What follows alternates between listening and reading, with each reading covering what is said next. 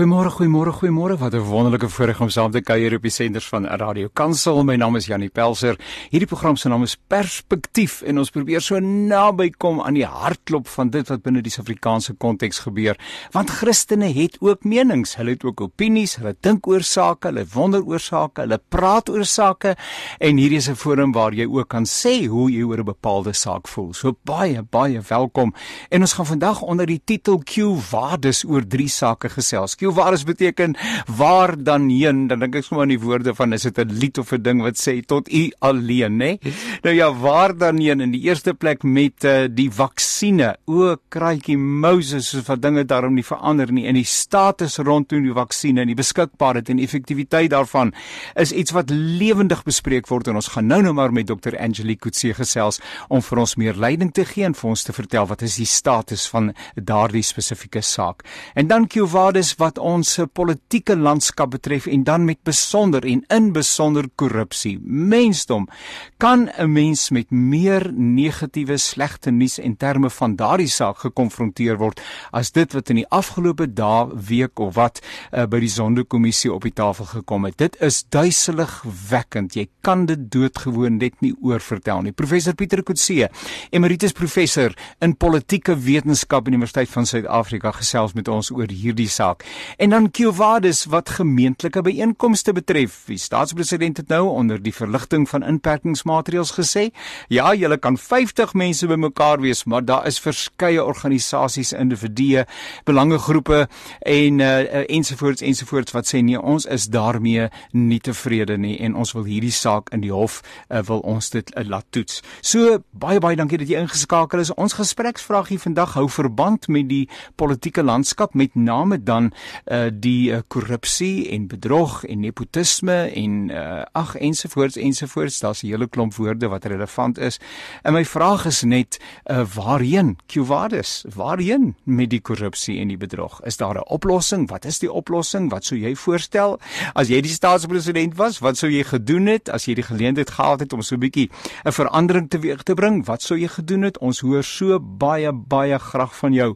En uh, sê vir my wat jou naam is en stuur vir ons 'n WhatsApp boodskapie op ons nommer 0826572729. Yes, indeed. You are most welcome. Thank you so much for being part of this program. My name is Yanni Pelser. The program's name is Perspective, and we try to get as close to actuality as we possibly possibly can get. Three Q Varus today. Uh, Q Varus questions, question marks. Number one, where should we go? Where are we going? Where are we heading? What is what are the possibilities etc pertaining to uh, with reference to the vaccine? Things are happening from moment to moment. We're going to speak to Dr Angelique Kutsia and she's going to give us some insight and uh, some guidance in that respect. Then Cuvadas in terms of our political landscape and especially corruption. Oh goodness me. This is just too much to bear. Where are we going in terms of this? Is there a solution? What is the solution? What would would you do?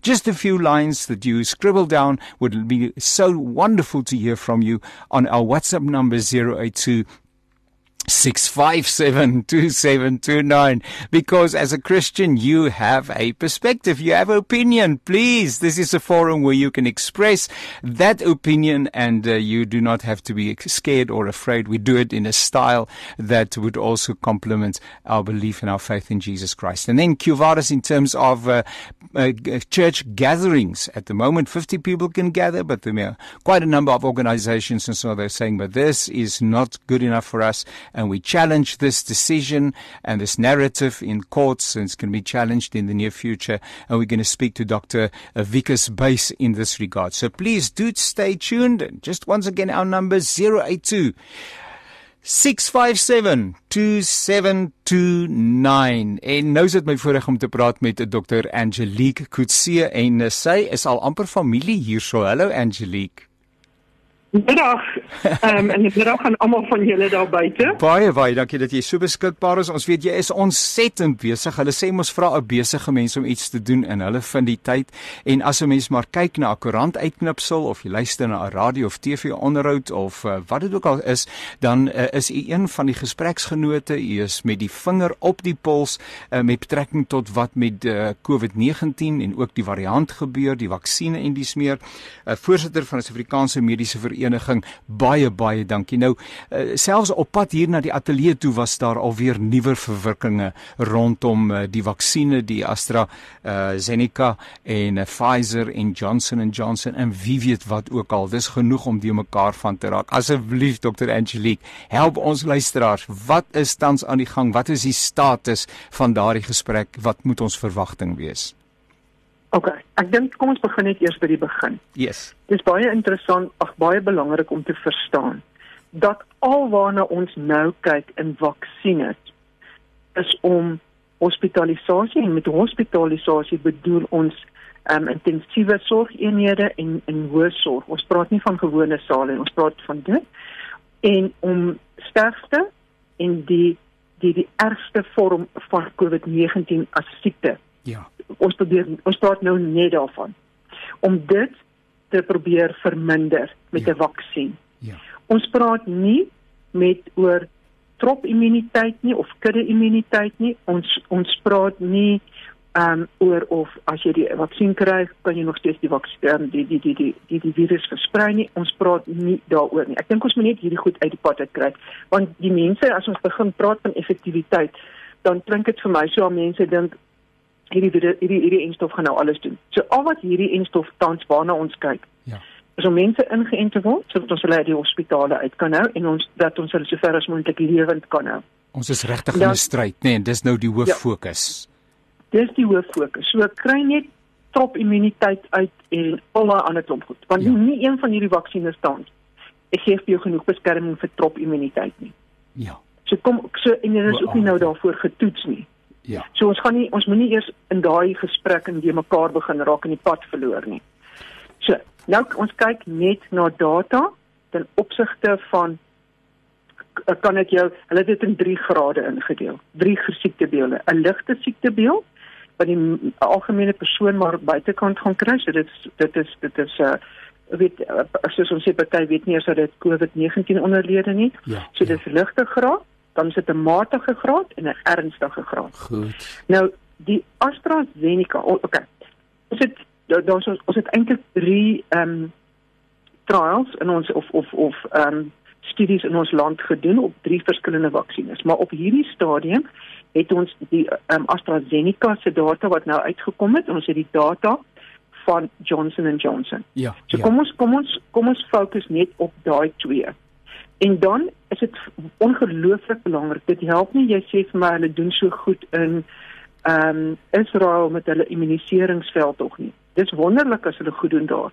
Maar ons variant wat ons het met sy drie mutasies is uniek tot Suid-Afrika. Ja, ja. So ons kan ons nie vergelyk met 'n ander land hoe goed ander lande doen nie. Ons moet dit kontekstueel beoordeel. Wat is hier vir ons effektief en van toepassing? Presies. Ja. Okay. Nou as jy nou gaan kyk na die twee studies, na die AstraZeneca, ja. dan gaan jy sien die studie en dit is 'n goeie studie. Daar's niks fout met die studie nie. Ek bedoel die studie is is vir 'n spesifieke doel ontwikkel en uit sekere uh, uh, um, eind uh, resultate gehad of verwagtinge gehad. Maar die en, en onthou daai studie is nou gedoen voordat ons ons variant, variant. in Suid-Afrika gekry het. Toggie, toggie, toggie ja. So op die ou variant wat die eerste golf veroorsaak het, ja. het hy regtig baie goed getoets.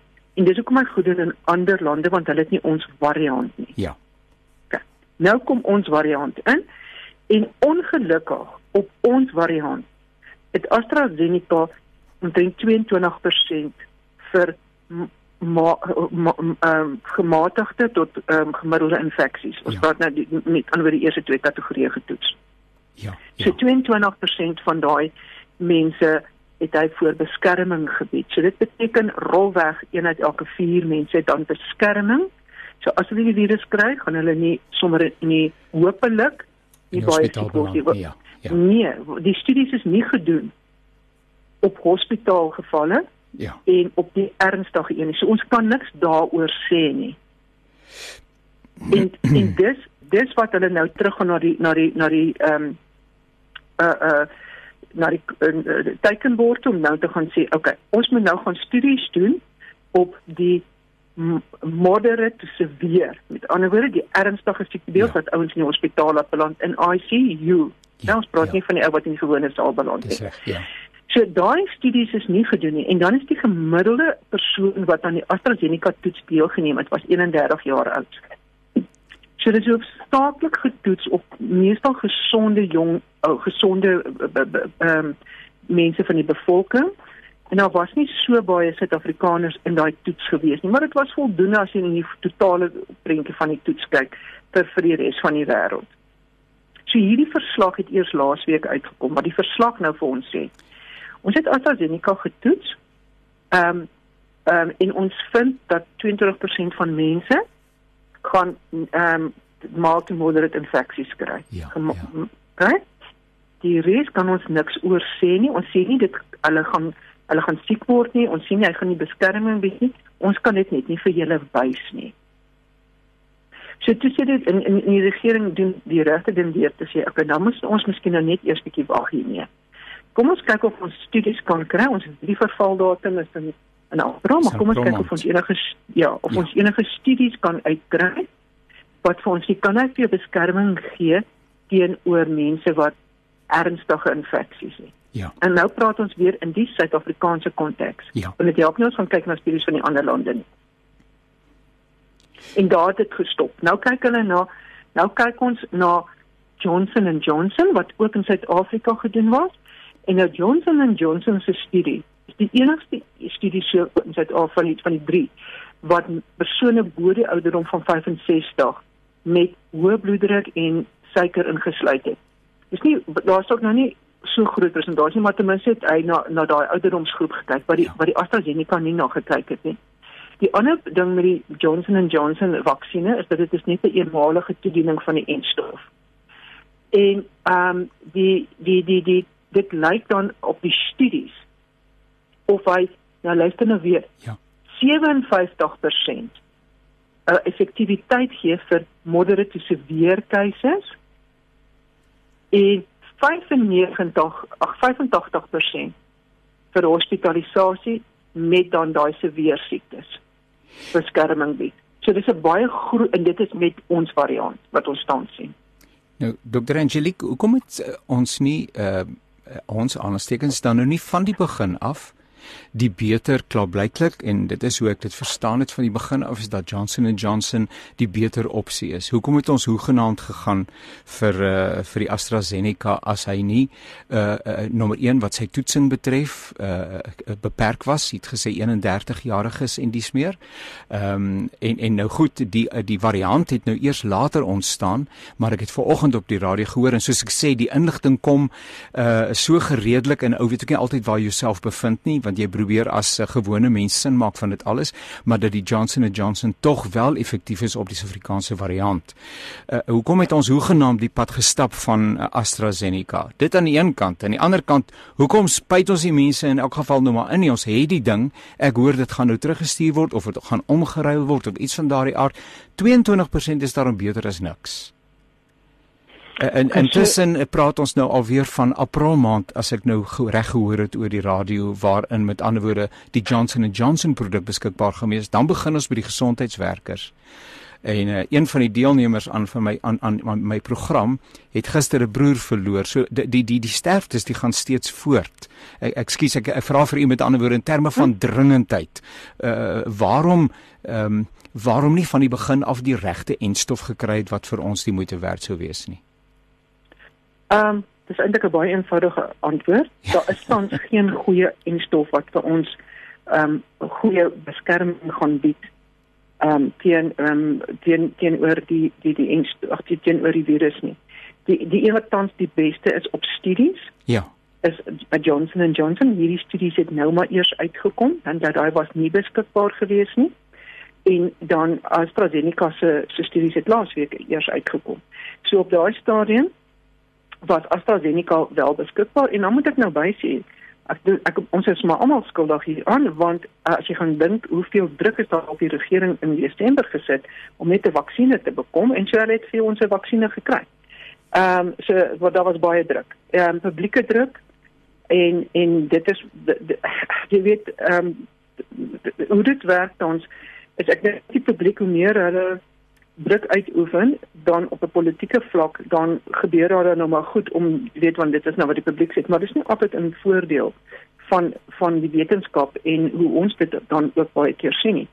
Maar okay, dis nou dis nou dit het nou gebeur en dit het ingekom. Ons kan dit nie gaan omruil sommer nie. Ehm um, en ehm um, jy weet ehm um, die inligting wat ek het. So die nou kom ons terug na wat jy gesê het. Ehm um, weet is 22%. So um, effektiwiteit en dat ons nou momente in en so die ding is jy wil graag hê dat ehm um, dat daar ook studie gedoen word. Ehm um, dat jy dan uh, as jy dan wil gaan inent dat jy heeltemal bewus is dat jy net 'n 22% kans het teen ehm um, weet om nie die ehm um, die erge vorm van die siekte te kry nie. Uh jy sal moet 'n teken daarvoor dat jy weet dat jy ook nie iemand gaan dagvaar agterna nie. So dit is alles moontlikhede, maar ehm um, jy weet um, so ons moet 'n miljoen mense in die land kry wat bereid is om aan 'n studie deel te neem en dit moet redelik vinnig gebeur. Uh want ons hardloop teen weet soos ek gesê die enstowwe verval in April en dat dit net aan dat dit aan die gang kom maar jy kan nie net gaan en vir elke ou gaan immuniseer wat in die wat die, wat in die gesondheidsbedryf is en sê okay ons het nou hierdie ding hy's net 22% effektief dokter kan sê kom jy moet nou ingeënt word en dan gaan ek vir jou sê maar jy weet jy wat ehm um, ek ek ek kan my kanse vat met die instof of weet jy wat ek gaan liewer net my kanse vat met die virus want ehm um, op die einde van die dag ek nie is daar nie 'n vreeslike verskil nie. Ja. So jy moet dit met 'n ingeligte besluit wees sodat sodat die mense wat dit gaan vat dan presies weet dat hy eerder 'n vier kans het op hierdie stadium. En onthou daar's baie goed wat ons nie weet nie. Hierdie goed is maar nie op die mark is nie wat dit begin het. Gewoonlik vat hierdie tipe studie 7 jaar, 5 tot 7 jaar in fase 3 um, ons probeer 'n fase 3 in 'n paar maande deurdruk omdat mense doodgaan en omdat mense in die hospitaal beland soos wat jy nou net gesê het van iemand se broer. Dr. Gutierrez just lastly uh, just and also briefly um, there's a lot of pressure on the one hand as you've already said on government and they need to perform and they need to come up with uh, some kind of solution to the problem understand that On the other hand, the, this is the government and this is the health department, and these are the people that uh, should take responsibility, if I may say it that way. Listening to the reaction of political parties yesterday uh, on one news item, people generally are not very satisfied, and some even says that uh, Dr. McKeezy and the health department officials, etc., they should resign. And you know how it is. Uh, this morning's uh, newspaper, the Beeld, has a not a very positive write-up uh, on uh, the government's performance. And again, just this is just another example of uh, of not being effective in what they do. So, so just your perspective. I know that we all, always look for a scapegoat. Somebody has to take the blame blame? Or is just this, well, this is what, what it is, and we just have to work with what we have? Where do we well, position ourselves? Well, this is an extremely difficult um, conversation. In, in, in um, as you um, correctly also said, that you know we, we need an scapegoat. Um, the thing is, um, yes, um, going forward, um, you need to, we need to do our homework much better than was done now. We, I mean, the National Department of Health, um, we need to we need to understand that we've got our, our unique variant.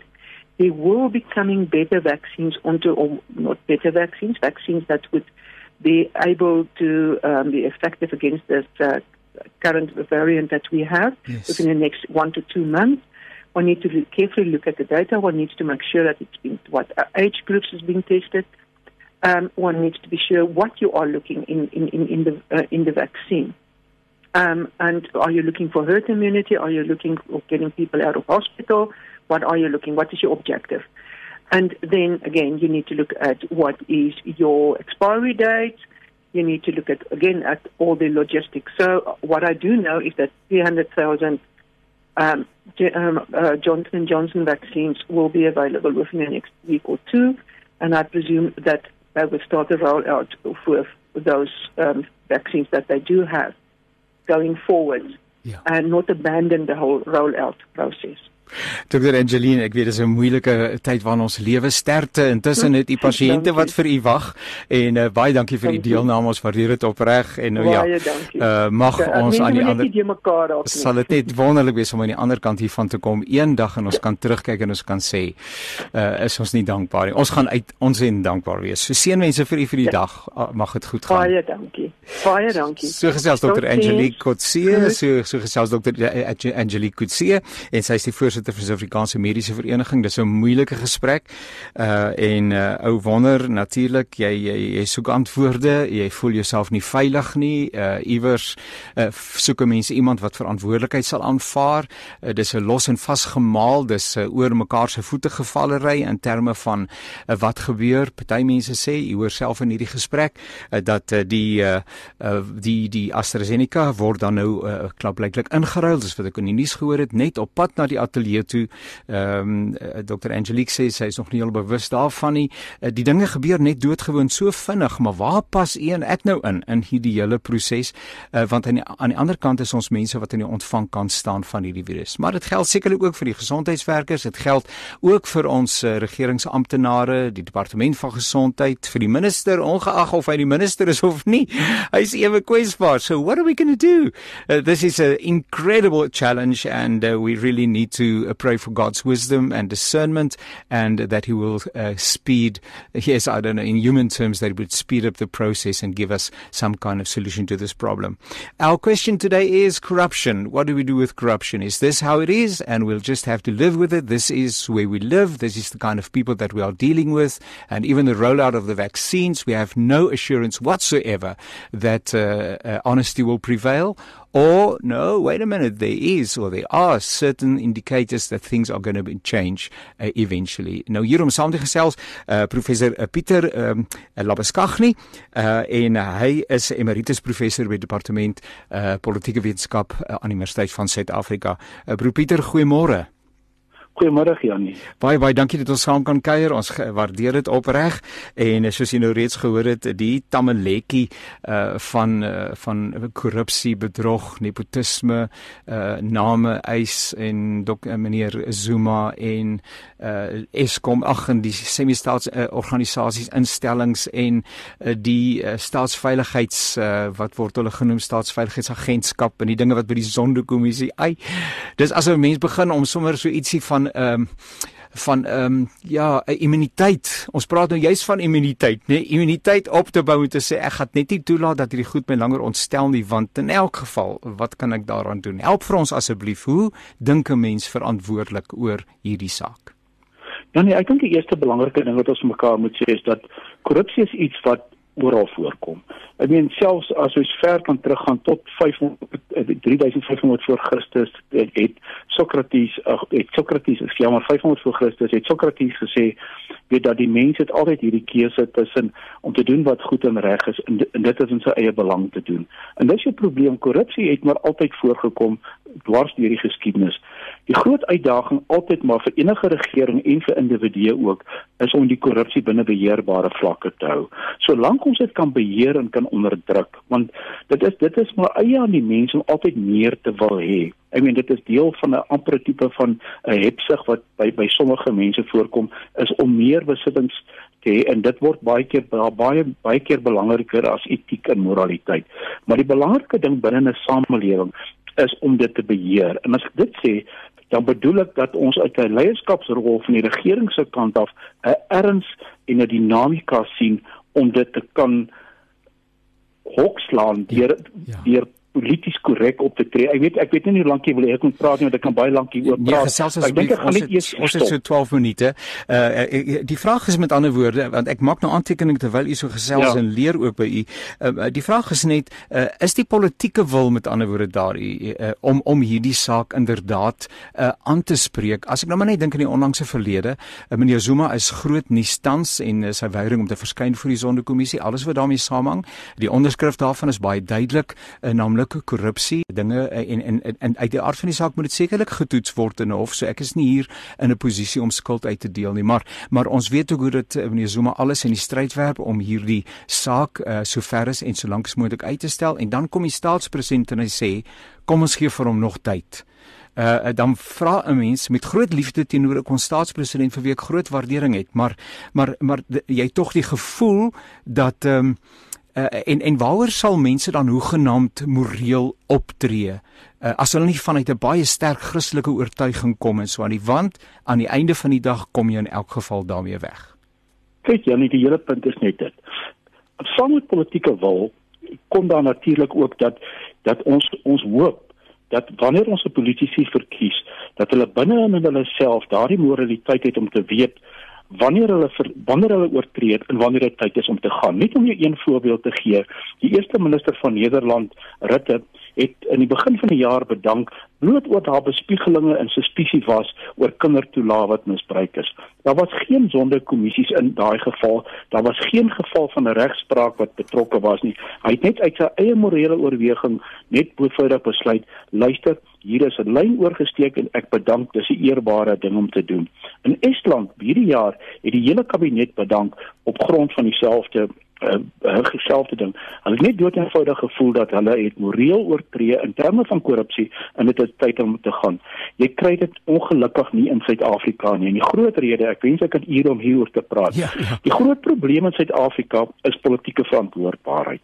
Ons kry dit te veel dat mense dood eenvoudig 'n swak diens lewer en daarmee wegkom en dan kom weg daarmee omdat daar nie 'n straf en 'n beloningsfunksie in, in Suid-Afrika is nie. Wat ek daarmee bedoel is dat ten spyte daarvan dat die regering korrupsie oor jare laat broei het en investeer het binne in die politieke stelsel word die regerende party siektes na siektes herkies met meerderhede. Met ander woorde wat jy eintlik vir hulle sê is dat ons legitimeer jou, ons sê jou jy doen nie te slegte werk nie. Jy weet, weet ons stem weer vir jou, jy kan weer daardie daardie posisies vul. Dit as jy net dink dat jy weet ons sit in 'n land uh, ek meen dit is Radio Kansel die ja. en julle is baie bewus van die ellende en die smarte van mense wat nie kos het om te eet nie. Correct, ja? En ons ja. sit met 'n situasie dat 13.3 miljard rand met hierdie COVID bekamping net deur korruptiewe uh, gedrag gesteel is. Ek ja. meen dit is skokkend. En wat jy eintlik na soek is dat jy 'n president sê wat sê luister ek het die sondekommissie aangestel. Die kommissie kan nie vervolg nie maar hy kan op basis daarvan kan die nasionale vervolgingsgesag vervolgings instel maar wat hy hoort te doen is hy hy moet 'n streep in die sand trek en sê glad van hier af nie niks word verder toegelaat nie. En nie amper hierdie soort van ek wil nie die sterk woord lamsakke gebruik nie, maar om weer te sê, kom ons gee meer Zuma nog 'n kans. Iemand wat vir dekades nou al sy verantwoordelikheid ontduik en misbruik maak van die regsprekende proses op basis daarvan dat jy onskuldig totdat jy in 'n hof skuldig bevind word. Dit is verkeerd. Jy moet 'n streep betrek. Die nuutste wat nou op die nuus verskyn het vandag is Jessie Duarte as die ANC sekretaris-generaal wat die sondekommissie probeer verdag maak. Die sondekommissie doen uitstekende werk. Hy krap al hierdie lelike dinge in die samelewing oop, maar op die ou einde gaan dit daaroor gaan is die politieke wil daar om met iemand soos Ysmagashula wat in 21 aanklagte van omkoper en geldwasery teen hom het, jy weet, in 'n hoek te druk om te sê jy bedank jy's nie langer deel van van van van van van die ANC nie. Maar daai politieke wil, Janie, ek is jammer om jou te sê dit ont en en dit dit bestaan nie in hierdie stadium by die regerende party nie. Jy weet die uh, die DA het in die afgelope week gesê dat die regering uh, en en ek wil ook net terwyl van ons luisteraars sê dat ons die menings wat hier uitgespreek word nie noodwendig Radio Kansel se mening is nie, maar dit is terwyl van die gesprek. So u en ek gesels sodat ons uh, luisteraars natuurlik ingeligte besluite kan maak, meer inligting het waarmee hulle kan werk, uh, uit die aard van die saak ook inligting kan gaan toets die gelegitimiteit daarvan, uh, menings kan gaan weeg en dis meer en dis meer. Maar die DA het in afgelope week gesê dat die regering behoort eintlik uit skaamte uit te bedank. Uh ons het hierdie week in Suid-Afrika nie minder nie as 10 kinders op 'n baie tragiese wyse uh verloor. U sal daarvan bewus wees. Gister vier kinders daar teen die en uh een daar dig by Kaapstad versmoor van wie 'n wal wat ingeplof het omdat mense nie boumateriaal het nie huise in die plekke om te bly nie en hulle het begin om daardie wal wat teen aan wat die die N1 uh, stit uh, uit te grawe en die kinders het daar gespeel want daar is geen speelapparaat, daar's geen uh, ontspanningsfasiliteite vir daardie kinders nie en vier van hulle het gesterf. Die vorige dag is ses kinders oorlede.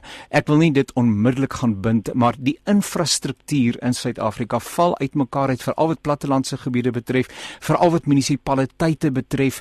Uh, ek het in die onlangse verlede probeer nou net dink waar het ek nou foto's gesien van uh, uh, maar ek bedoel dis dis dis amper as die as die Jan publiek nie self inspring nie, dan gebeur daar niks en ek ek veralgemeen nou baie.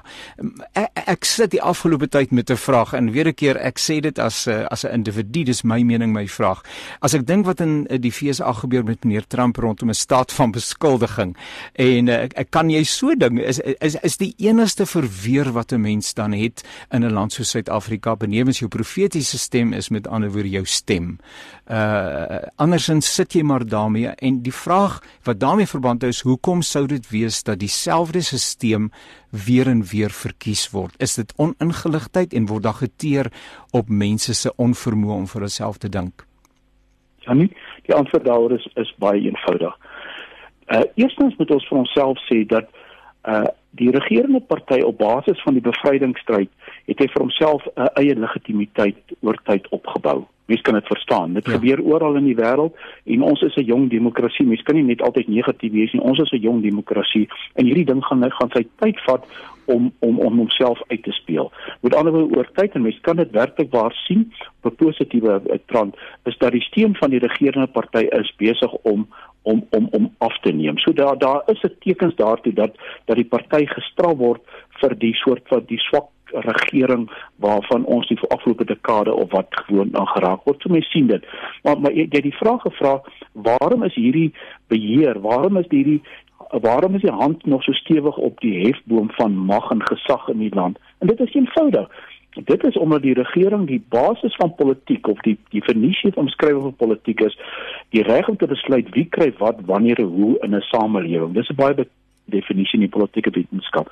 En die punt is net is dat die regering hou die hefboom van maatskaplike toelaas en ander toela ander toelaas wat gegee word aan mense in die land. En ons weet daar's 'n enorme hoeveelheid mense in hierdie land wat totaal afhan afhanklik is van kindertoelaas, van welsynstoelaas, van ouer ouderdomspensioen.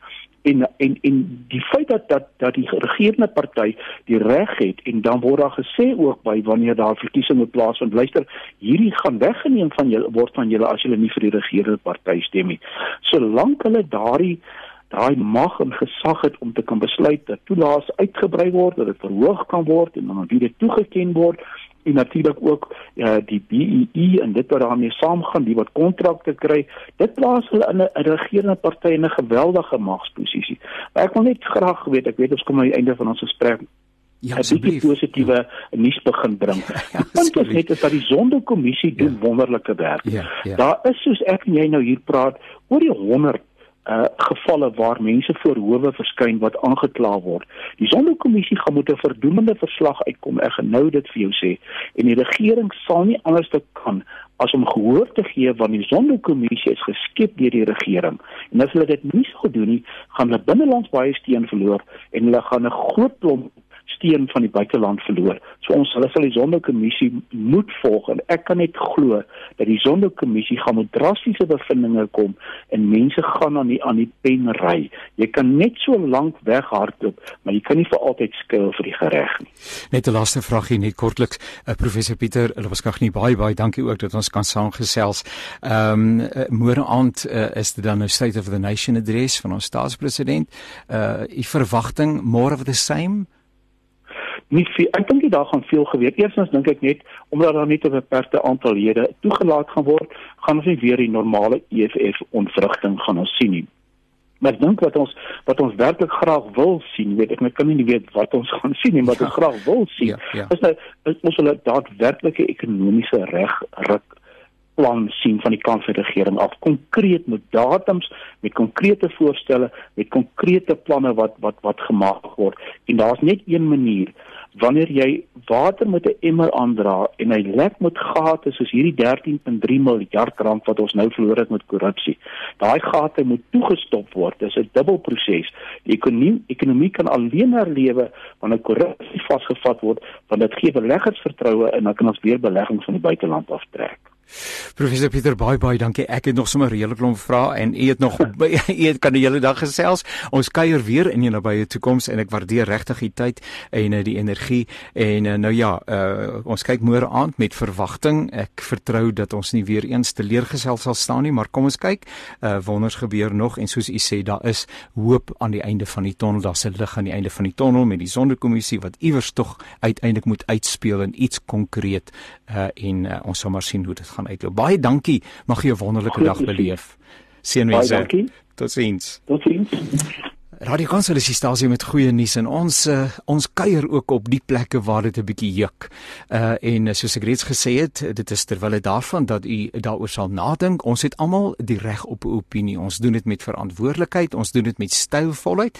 Ons doen dit soos wat Jesus dit sou gedoen het nie waar nie. But we have an opinion and we invite you to express your opinion regarding these very very important issues that we are dealing with at the very moment. Tomorrow our state president will the state president will deliver State of the Nation address? Can we expect anything meaningful? Uh, can we expect, as Professor uh, Professor uh, just said, that uh, uh, definite plans to to revitalize the the economy will come on the table, etc., etc. These are such important matters. Thank you for being part of this program, and may I remind you that it's also available as a podcast uh, on our website www.radiopulpit.co.za en jy kan ons uh, ons ons pot gooi daar 'n uh, eh, bietjie en dan kan jy weer luister na wat gesê is deur een of ander deelnemer. Nou ons het gesê Kiewades wat die enstof betref en ons het gesê Kiewades wat die politiek betref en die korrupsie en alles wat daarmee saamgaan en nou ons Kiewades gemeentelike byeenkomste want kraaitjie Moses dis nou weer een van die ander dinge wat op die oomblik mense sommer baie baie ontstel en dit is die uh, vraag rondom uh, uh, uh, uh, eredienste en uh, ons uh, ons het nou al verlang reg gekom deur of aanlyn uh, uh, met mekaar te gesels uh, en van die sosiale media gebruik te maak. Ek dink die kerk het ook gegroei in die verband, maar uh, daar is tog organisasies, individue en dis meer wat sê maar ons is nie heeltemal gelukkig met die huidige stand van sake en die toegewing wat van regeringsweë gemaak is nie. So ek gesels met uh, Dr. Wikus Buys. Goeiemôre Wikus. Môre Jannie en dankie vir die geleentheid om 'n bietjie saam te gesels. Dit is vir ons 'n voorreg. Wie is jy verteenwoordige 'n organisasie met 'n interessante naam naamlik ehm um, Begrond. Vertel vir ons asseblief. Begrond is 'n Christelike navorsingsinstituut en ons wil graag binne die Afrikaanse gemeenskap Bybelse antwoorde gee vir aktuelle lewensvrae. Ons uh, bied verskeie kursusse en projekte en seminare en publikasies aan om 'n Christelike lewens- en wêreldbeskouing uh bevestig en uit te dra. Ons naam begrond uh gaan juis uh, terug na wat ons werklik ten diepste glo, naamlik dat die grond van alles, die fundament waarop alles staan is ons Here Jesus Christus en uh ook hom as die woord en vanuit die drie eenheid die Vader, die Seun en die Gees wil ons dan ook in ons gemeenskap uh antwoorde gee oor wat God in sy woord sê. Nou, ehm um, een van die sake wat tans kontensieus en ook baie relevant is, aktueel is, is uh die samekomste van gelowiges in eredienste, uh, religieuse byeenkomste as ons dit selfs breër as net uh kerklike byeenkomste wil maak, want uh alle filoso uh, religieus filosofiese denkraamwerke uh is e-, eintlik nou onder dieselfde kam geskeer. Uh aanvanklik kon ons in die onlangse verlede glad nie bymekaar kom nie en ek sê nou maar ons want ons is gelowiges, Radio Kansel se luisteraars, ons is mense wat daarvan hou om aanhalingstekens kerk toe te gaan. Dis vir ons 'n belangrike deel van ons menswees. Uh en toe in die uh, meer onlangse verlede het uh, ons staatspresident verligting aangekondig wat dit betref.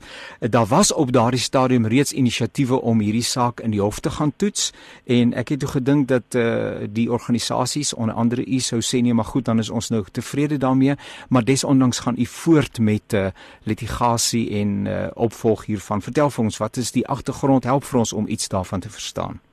Goed, kom ons kyk net so 'n bietjie na die agtergrond en uh, wie's almal betrokke. Daar's eintlik uh, meer as een hofsaak wat gelyktydig dien. Uh begrond soos hy sê saam met burgerlike organisasies soos die Helpende Hand en Afriforum en ook 'n uh, hele aantal uh gemeentes uit verskeie denominasies in 'n hofsaak wat toe dit gedien het die Vrydag 'n dringende hofsaak was. Dit was nou voor die president se aankondiging ja. en die regter, dit was as ek dit reg het, waarnemende regter De Villiers het toe geoordeel dat die dringendheid in die aansoek verval uh omdat die uh, president toe aangekondig het dat uh, daar wel byeenkomste kan wees met die bepaling van die 50 mense. Korrek, ja. En hy het toe 'n hofdatum bepaal vir die 18de Mei. Ja. Nou die rede hoekom begrond en die ander partye nog wil voortgaan met die saak is omdat ons voel hier is werklik prinsipiële sake wat uh ook uitslag moet kry. Ek noem gou 3 wat eintlik die uh, hoofkernargumente vorm die verskillende partye argumenteer elkeen sy eie saak, maar ek gee maar net vinnig hou op sommige. Die ja. eerste saak is natuurlik die irrasionaliteit en eintlik die onbillikheid ten opsigte van die kerke en die feit dat die eredienste verbied is. Uh om om almal van ons weet dat die dat die kasinos eintlik in 'n groot mate anders behandel word, uh die restaurantbedryf uh die kerke hier word nie oor dieselfde kam geskeer nie. Uh en ons voel uh, dit is nie billik nie en uh, dit moet reggestel te word. Die tweede saak en dit is uh, iets wat die gemeente self en ek dink baie domies weet op 'n pastorale vlak is hierdie punt baie waar en aktueel is dat 'n mens nie net na die materiële gesondheid kan kyk nie. Mens kan nie net uh ehm uh, kospakkies uitdeel soos ja. wat mense natuurlik moet nie, maar mens moet ook na die geestelike gesondheid kyk. En die geestelike gesondheid is meer as om net uh ook soos wat jy genoem het in die uh in die begin uh boodskappe te stuur oor WhatsApp of met uh die elektroniese media soos dit ja. ontstaan. Nou die mens is 'n sosiale wese en jy wil graag ook in daardie uh aspek ook geestelike gesondheid bevorder dit gaan baie swaar met ons mense. Ja, uh, die ja. die ou mense kry swaar. Uh baie gemeentes kry swaar en gaan gebuk oor hierdie punt. So dis die tweede punt. Die eerste punt is irrasioneel en onbillik. Die tweede punt die geestelike gesondheid uh bly agterweë. En dan die derde punt en hieroor voel begrond uh baie sterk is dat hier eintlik 'n historiese prinsipiële saak uh, op tafel is naamlik mag die staat besluit om eredienste te sluit en ons sê nee uh die lyn waaruit ons uitkom is uit die westers protestantse deel uit uit die evangeliese deel uit en ons sê daar was nog altyd uh, onderskeiding eintlik 'n skeiding tussen kerk en staat. Uh ons erken die owerheid as 'n uh, deur God ingegee maar dat dit ook 'n bepaalde werkskring en 'n bepaalde taak het soos wat Romeine 13 ons leer maar dat die kerk die verlostes van die Here is en dat Jesus Christus die enigste hoof van die kerk is. Met ander woorde, ons beredeneer en sê die staat het eintlik bietjie magsbeheer geword vir al hierdie groot territoriale nasionale state. Hierdie punt kom ook in ander lande voor. Ek het bietjie gaan kyk na FSA in Engeland en Frankryk selfs. Al die kerke maak nie saak of dit net selfs die Katolieke of die Church of England is nie. Sê hierdie punt ook ten opsigte van die uh, staat wat eintlik magsvergrypend optree en dit is ons 'n belangrike punt. Die kerk en die staat moet prinsipieel onderskei word. Die staat het nie die gesag of die reg om eredienste te sluit nie. Die ehm uh, die tweede saak wat jy genoem het naamlik die van geestelike gesondheid uh, uh, uit die aard van die saak al hierdie sake is belangrik. Uh, verlede week het 'n uh, professor van ehm um, die Universiteit van Johannesburg, ek kan nie onmiddellik op die naam kom nie, uh, het sy uh, hulle doen navorsing oor gesondheid, ekonomiese gesondheid, maar dit gaan oor breë die breë samelewingsgesondheid en aangedui dat die moer, die moraal in die Suid-Afrikaanse konteks op 'n all-time low is as ek die woord sou ja, gebruik. Ja, dit dit is ja. dit dit neem krisisafmetings aan. En eh, en en en eh, so daar moet 'n daar moet 'n baie radikale inbouprogram van stapel gestuur word om daardie vakuum wat ontstaan, daai hopeloosheid met ja. uh, met met struktuur van hoop ehm uh, te vervang. Die die die interessante saak wat u noem naamlik van die verhouding tussen kerk en staat, soewereiniteit en eie kring. Hoe hoe toets jy so 'n saak in 'n sekulêre samelewing want uh, die staat kan net sê maar ons erken nie ehm um, byvoorbeeld die Bybel as 'n gesagsbron uh wat die verhouding staat en kerk uh bespreek en en en en verdiskonteer nie. Ek dink die saak moet gesien word teenoor die agtergrond nie dat ehm um, begrond of die ander kerke toestemming wil vra by die staat uh, om dit te doen nie maar op grond van die wette wat hulle gemaak het sê dit is irrasioneel en onbillik hoe hulle optree en dat ons dan ook binne die samelewing mag verduidelik hoe ons die vryheid in Christus ook verstaan en beleef en dat ons hom regtig as die hoof van die kerk ervaar en bely en dat hy ook uh die kerk as sy liggaam sien en dat ons as die liggaam van Christus in die samelewing ook die vryheid en die hoop dit wat jy nou net genoem het op 'n bepaalde manier uh ook na vore moet bring. Met ander woorde, uh dit is vir ons belangrik om te uh beklemtoon dat as ons sê die kerk mag nie die eredienste sluit nie, dan ag die die staat mag ja, nie die eredienste ja. sluit nie, dan bedoel ons nie uh die kerk moet nou onverantwoordelik optree en 'n mens moet nou aspris wees en glad nie die ehm um, uh gesondheids uh en goed nakom nie. Dis nie wat ons bedoel nie. Natuurlik moet mense se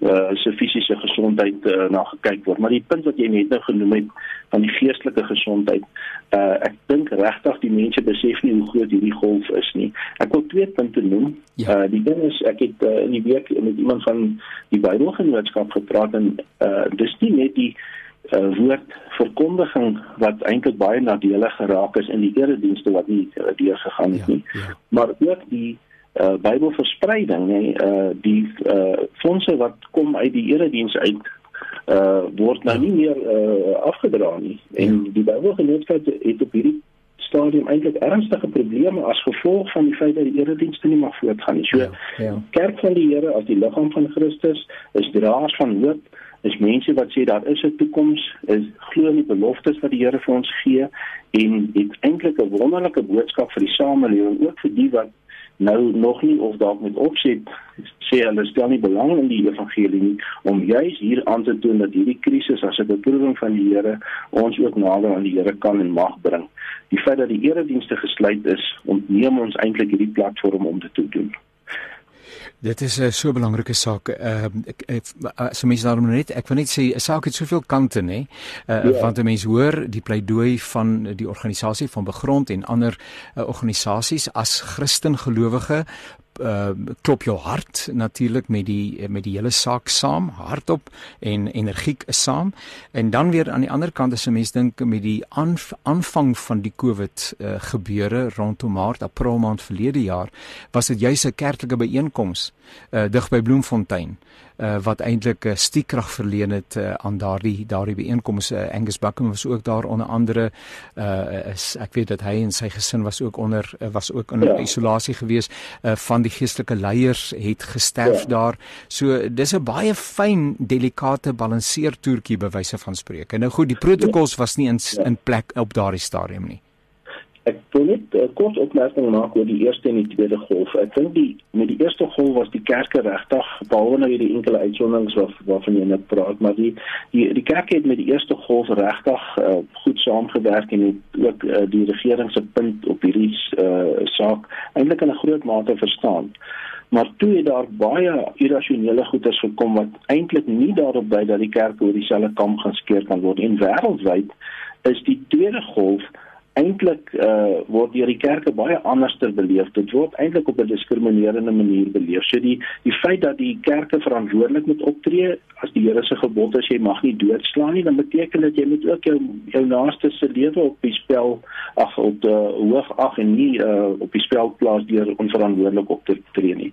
Die kernpunt is nie die staat het nie die reg om die eredienste te sluit nie die kerkdeure te sluit nie, want ons is bang en dit is my baie belangrike punt om Suid-Afrika te noem dat die sosialistiese en die kommunistiese ideologie en denkraamwerk al hoe meer eintlik uh, deel van die normale debat in ons samelewing word en daarvoor moet ons baie pas op. Ons ken die sosialisme en ons ken die kommuniste in al sy uh, variasies wêreldwyd baie goed en ons weet dat daar in fases gewerk word en die netto som van wat tans met die kerke gebeur is dat dit 'n baie negatiewe effek het en een van die dinge wat ons wil uitlig is dat die marxiste of die sosialiste of kommuniste as mens dit nou in een in een groot sambreel term wil sit uh gee eintlik net om vir die materie, vir die materiale of die fisiese of die die aardse en ons in die kerk of as die kerk van die Here sê nee, daar is ook 'n hemel, daar is ook 'n geestelike kant, daar is ook 'n dieper dimensie in die lewe. Mens moet nie so oppervlakkig en eensydig na die werklikheid kyk nie. En daarom is die manier hoe hulle met die kerk aan uh optree is eintlik die raamwerk waaruit hulle dink uh sny eintlik reeds hierdie hemelse of hierdie geestelike aspek by die wortel af en daar sit iets meer in uh as net die regulasies wat hulle tans doen. So ons steek 'n vlaggie op en sê pas op uh dat die debat nie deur die marxisme of die sosialisme oorheers word nie. Nee, ons dink van as Christene het ons ook ruimte, ons het ook 'n ryk tradisie hoe ons met die kerk en die staat en hoe, en hoe ons ook in rampomstandighede is nie die eerste keer dat die kerk hier 'n ramp getree het nie maar dat die kerk ook weet hoe om in rampomstandighede op te tree. Die verantwoordelikheid wat die kerk het om werklik ook die hoofskap van die Here Jesus te erken maar ook om 'n groot verantwoordelikheid met die naaste en met naaste liefde om te gaan uh, bly on, onbesproke. Dit is iets wat moet kom. Maar ons getuienis teenoor die staat op hierdie punt is om te sê julle dink net aan die aarde, julle moet ook breër dink want Christus het eintlik julle gesag om te regeer aan julle gegee of hulle dit erken of nie. Die skrif is daaroor baie duidelik. Nee, niemand regeer behalwe die wat die Here daar uh gestel het nie. En dit is vir ons 'n prinsipiële saak om die hemelse of die toekoms of die geestelike aspek ook na vore te bring in die alledaagse debat.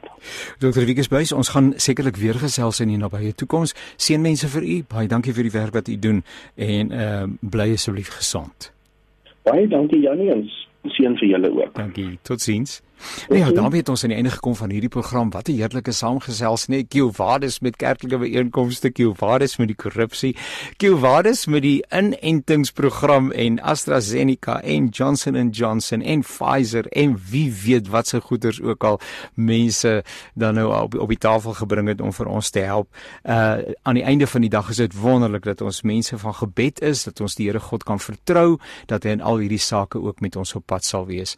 Ek herinner vir u dat die uh, bydraes in hierdie program uh en die perspektiewe wat op die tafel kom ter wille van perspektief van insig van uh verskillende moontlikhede is sodat u dit kan oorweeg in die eie oordeenking en die eie beraadslaging en die eie menswees en op weg wees en is nie noodwendig uh, die uh, insigte of die oortuiging van Radio Kansel nie.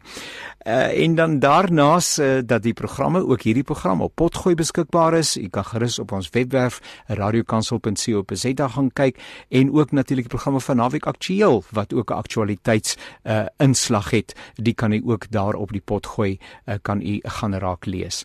Ons is op ander forums, uh, u kan vir ons enige tyd van die dag of die nag raak hoor en soms selfs raak kyk en uh, dit bly 'n enorme voorreg om saam met u op reis te wees. May God bless you richly. Please stay healthy. Please be uh, uh, responsible and please adhere to the protocols. We have a responsibility as children of God too. We have that responsibility responsibility towards government who uh, issues these uh, warnings and these protocols towards ourselves and especially towards those other people that cross our path. Baie dankie vir uh, DK vir sy mooi hulp. Waardeer dit en uh, jy moet 'n aangename dag hê.